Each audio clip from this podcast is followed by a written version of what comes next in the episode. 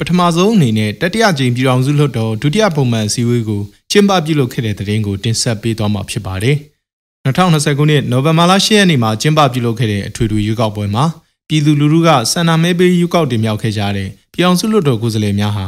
ဒီနေ့မနက်10:00နာရီချိန်မှာတတိယကြိမ်ပြည်အောင်စုလွှတ်တော်ဒုတိယပုံမှန်အစည်းအဝေးကို online conference စနစ်နဲ့ကျင်းပပြုလုပ်ခဲ့ကြောင်းသိရှိရပါတယ်။အဆိုပါအစည်းအဝေးကိုပြည်အောင်စုလွှတ်တော်ကိုစားပြုကော်မတီဥက္ကဋ္ဌဦးအောင်ကြည်ညွန့်က ပြည်ထောင်စုလွှတ်တော်နာယကအဖြစ်တာဝန်ယူဆောင်ရွက်ခဲ့ပြီးအစည်းအဝေးသို့တိုင်းနယ်ပြည်နယ်အသီးသီးမှပြည်ထောင်စုလွှတ်တော်ကိုယ်စားလှယ်များအပါအဝင်နိုင်ငံတကာတပ်တပံများလေးလာသူများစုစုပေါင်း282ဦးတက်ရောက်ခဲ့ပါတယ်။အစည်းအဝေးမှာပြည်ထောင်စုလွှတ်တော်နာယကကအဖွင့်အမှာစကားပြောကြားရာမြန်မာနိုင်ငံမှာဒီမိုကရေစီရဲ့အနှစ်သာရအစဉ်အလာယဉ်ကျေးမှုနဲ့အညီ2020ပြည့်နှစ်နိုဝင်ဘာလ10ရက်နေ့ကကျင်းပခဲ့တဲ့ရွေးကောက်ပွဲကြီးမှာမဲဆန္ဒရှင်ပြည်သူများဟာတက်ကြွစွာနဲ့မိမိတို့လူလာတဲ့ပါတီအသီးသီးကကိုယ်စားလှယ်များကိုရွေးချယ်ခဲ့ကြကြောင်း အဆိုပါအချိန်ကာလတည်ဆဲဥပဒေများအရအပြည့်အပြတ်အာဏာတည်ပြီးဖြစ်တဲ့ပြည်ထောင်စုရွေးကောက်ပွဲကော်မရှင်ရဲ့လွှတ်တော်ကိုယ်စားလှယ်အတိအမှတ်ပြုလွှာများထုတ်ပေးထားပြီးဖြစ်တဲ့ကိုယ်စားလှယ်များဟာတတိယကြိမ်လွှတ်တော်သက်တမ်းရဲ့ပထမပုံမှန်အစည်းအဝေးကျင်းပမယ်မနက်စောဖေဖော်ဝါရီလ၁ရက်နေ့မှာပဲရွေးကောက်ပွဲမှာဝင်ရောက်ရှင်ပြိုင်ဘက်မဟုတ်တဲ့စစ်ကောင်းဆောင်တချို့ကလက်နက်အာကိုနဲ့စစ်အာဏာသိမ်းခဲ့ကြောင်းပြည်ထောင်စုလွှတ်တော်ကိုယ်စားလှယ်များဟာဖေဖော်ဝါရီလ9ရက်နေ့မှာပြည်ထောင်စုလွှတ်တော်ကိုယ်စားလှယ်63ရာခိုင်နှုန်းတက်ရောက်တဲ့ပထမအကြိမ်ပုံမှန်အစည်းအဝေးကြီးကိုအွန်လိုင်းကနေကျင်းပနိုင်ခဲ့ပြီး ပြည်ထောင်စုလွှတ်တော်ကိုစားပြုကော်မတီ CRPH ကို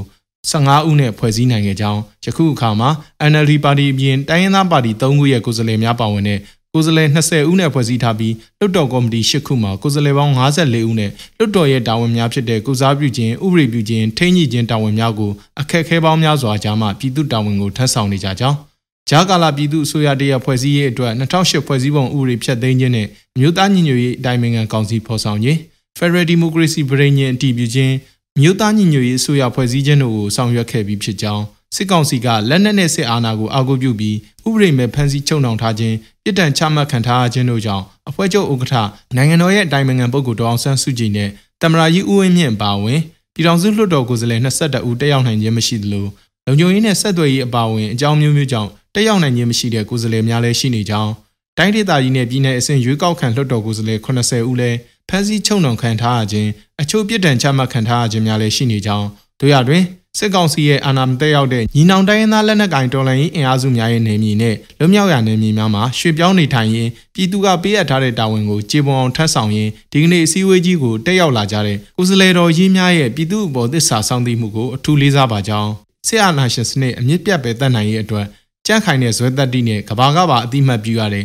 ဂျန်စီမျိုးဆက်များနဲ့ပူးပေါင်းပါဝင်ကြတဲ့မျိုးဆက်တစ်မျိုးဆက်ဟောင်းများ CDM ဝန်ထမ်းများတပိတ်ကောင်းဆောင်များလူမှုအဖွဲ့အစည်းအသီးသီးများပြည်သူများရဲ့ကဏ္ဍကိုလည်းလွှတ်တော်ကြီးကဂုဏ်ပြုမှတ်တမ်းတင်ရမှာဖြစ်ကြောင်းမြန်မာနိုင်ငံကိုဒီမိုကရေစီအောက်မှာဖွံ့ဖြိုးရှင်သန်စေလိုတဲ့နိုင်ငံတကာပါလီမန်များအစိုးရများနဲ့ပြည်သူများရဲ့အသိမှတ်ပြုမှု အားပေးကူညီမှုများကိုလည်းအားထားကျေးဇူးတင်ပါကြောင်းပြည်သူကတာဝန်ပေးအပ်မှုကိုတစ္ဆာရှိရှိတာဝန်သိသိနဲ့တန်တိတ်ထန်ခိုင်မာစွာဆက်လက်ကြိုးပမ်းကြရန်နဲ့အတ္တမကဓမ္မကိုနိုင်ဦးထုံးစံမရှိဘူးဆိုတဲ့နေရာမှာကိုလက်ကင်ပြုပြီးအောင်စိမ့်နဲ့ဆက်လက်ချီတက်ကြရန်ညီနောင်သားချင်းများမျှော်မှန်းတဲ့ Federal Democracy နိုင်ငံတော်သည့်အတွက်ဖြစ်နိုင်သမျှနီလန်းစုံနဲ့ကြာရတာဝန်ကိုထမ်းဆောင်ရင်းကြိုးပမ်းကြမှာဖြစ်တဲ့အတွက်ဇွဲလုံးလဝရိယသတိပညာတို့နဲ့အတူဆက်လက်လျှောက်လန်းကြရန်ဖြစ်ကြောင်းတို့ကိုပြောကြားခဲ့ပါတယ်။ အဲဒီနောက်မှာတော့ပြည်တော်စုလွှတ်တော်ကိုစားပြုကော်မတီ CRPH ရဲ့အစည်းအဝေးစာကို CRPH အဖွဲ့ဝင်တအူးမှဖတ်ကြားတင်သွင်းပြီးပြည်တော်စုလွှတ်တော်ရဲ့အတည်ပြုချက်ရယူခြင်းအမျိုးသားညီညွတ်ရေးအစိုးရရဲ့အစည်းအဝေးစာကိုပြည်တော်စုဝန်ကြီးချုပ်ကလွှတ်တော်သို့ဖတ်ကြားတင်သွင်းပြီးလွှတ်တော်၏အတည်ပြုချက်ရယူခြင်း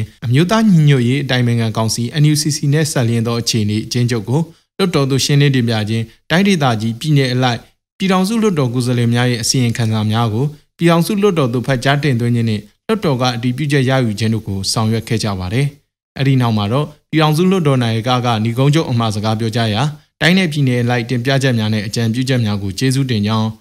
ရူဘိုင်လောအုပ်ချုပ်ခြင်းသလိုအုပ်ချုပ်ဖို့ဥပဒေတွေပြဋ္ဌာန်းနေတဲ့စနစ်ကိုကျော်လွှားပြီးတရားဥပဒေစိုးမိုးရေးပြန်လည်ရရှိနိုင်ဖို့ပြည်သူအုပ်ချုပ်ရေးစနစ်ပြန်လည်ရရှိနိုင်ဖို့အတွက် rule of law နဲ့ထိန်းကျောင်းနိုင်မှသာလျှင်အကြမ်းဖက်မှုများချုပ်ငြိမ်းမည်ဖြစ်ကြောင်း CRPH NUG နဲ့ NUCC တို့ရဲ့လှုပ်ရှားဆောင်ရွက်မှုတွေကိုလွတ်တော်မှလာရောက်တင်ပြခြင်းဟာလည်းဒီအခမ်းအနားနဲ့ဒီအခင်းချင်းဟာ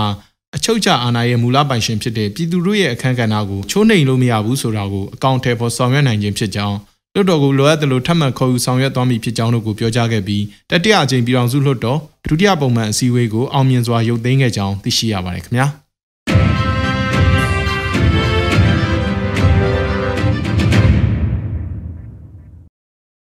ဆက်လက်ပြီးပြည်ထောင်စုသမ္မတမြန်မာနိုင်ငံတော်အမျိုးသားညီညွတ်ရေးအစိုးရတယံဇာတာနှင့်တဘာဝပတ်ဝန်းကျင်ထိန်းသိမ်းရေးဝန်ကြီးဌာနကထုတ်ပြန်ကြေညာချက်အမှတ်2မြင်းဆောင်2021ကို2021ခုနှစ်ဇွန်လ29ရက်ရက်စွဲနဲ့ထုတ်ပြန်ကြေညာလိုက်တဲ့သတင်းကိုတင်ဆက်ပေးသွားမှာဖြစ်ပါတယ်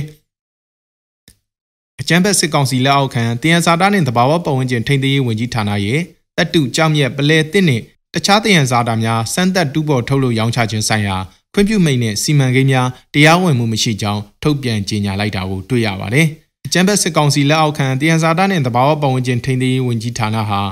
တတုကြောင်းမြက်ပလဲတင့်နဲ့တခြားတယံဇာတာများကိုစမ်းသက်တူးဖော်ထုတ်လုပ်ရောင်းချခြင်းဖြင့်၎င်းတို့အတွက်ပြည်တွင်းပြည်ပဝင်ငွေရရှိရေးကြိုးပမ်းလှုပ်ဆောင်လျက်ရှိကြောင်းတတုတူးဖော်ရေးခွင့်ပြုမိန့်များကြောင်းမြက်ရနာဆိုင်လိုင်စင်များအသစ်ခွင့်ပြုခြင်းနှင့်တက်တန်းတိုးခြင်းတို့ကိုဆောင်ရွက်လျက်ရှိကြောင်းထို့ပြင်တတုနှင့်ကြောင်းမြက်ဆိုင်ရာအခွန်အခါများအားအတင်းအကျပ်တောင်းခံခြင်း မြမကြောင်မြက်ကြောက်စိမ့်နဲ့ပလဲပြပွဲတို့မှာလေးလံတင်ရောင်းချခြင်းများ one stop service OSS နဲ့ကြောက်စိမ့်အချောတွေများပြည်ပသို့တင်ပို့ရောင်းချခြင်းများလည်းပြုလုပ်ဆောင်ရွက်လျက်ရှိကြောင်းထို့ကြောင့်အကြံဖက်စစ်ကောင်စီနှင့်စီးပွားရေးအပါအဝင်မိတုသောကိစ္စရန်များတွင်မှပူးပေါင်းပါဝင်ပတ်သက်ခြင်းမပြုရန်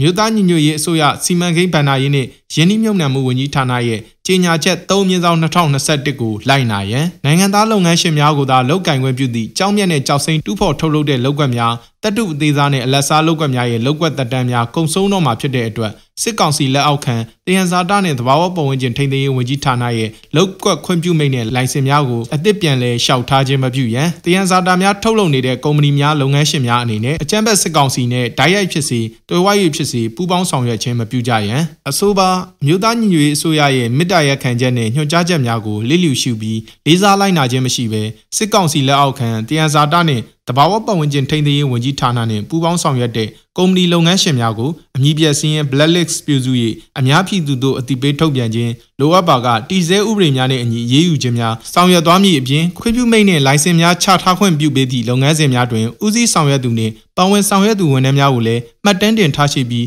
ထိုက်သင့်သည့်ရေးယူမှုများပြုလုပ်သွားမှာဖြစ်ကြောင်းတတိပေးကြေညာထားတာကိုတွေ့ရှိရပါတယ်ခင်ဗျာရေတော်ဘုံအောင်ရမည်ရေတော်ဘုံအောင်ရမည်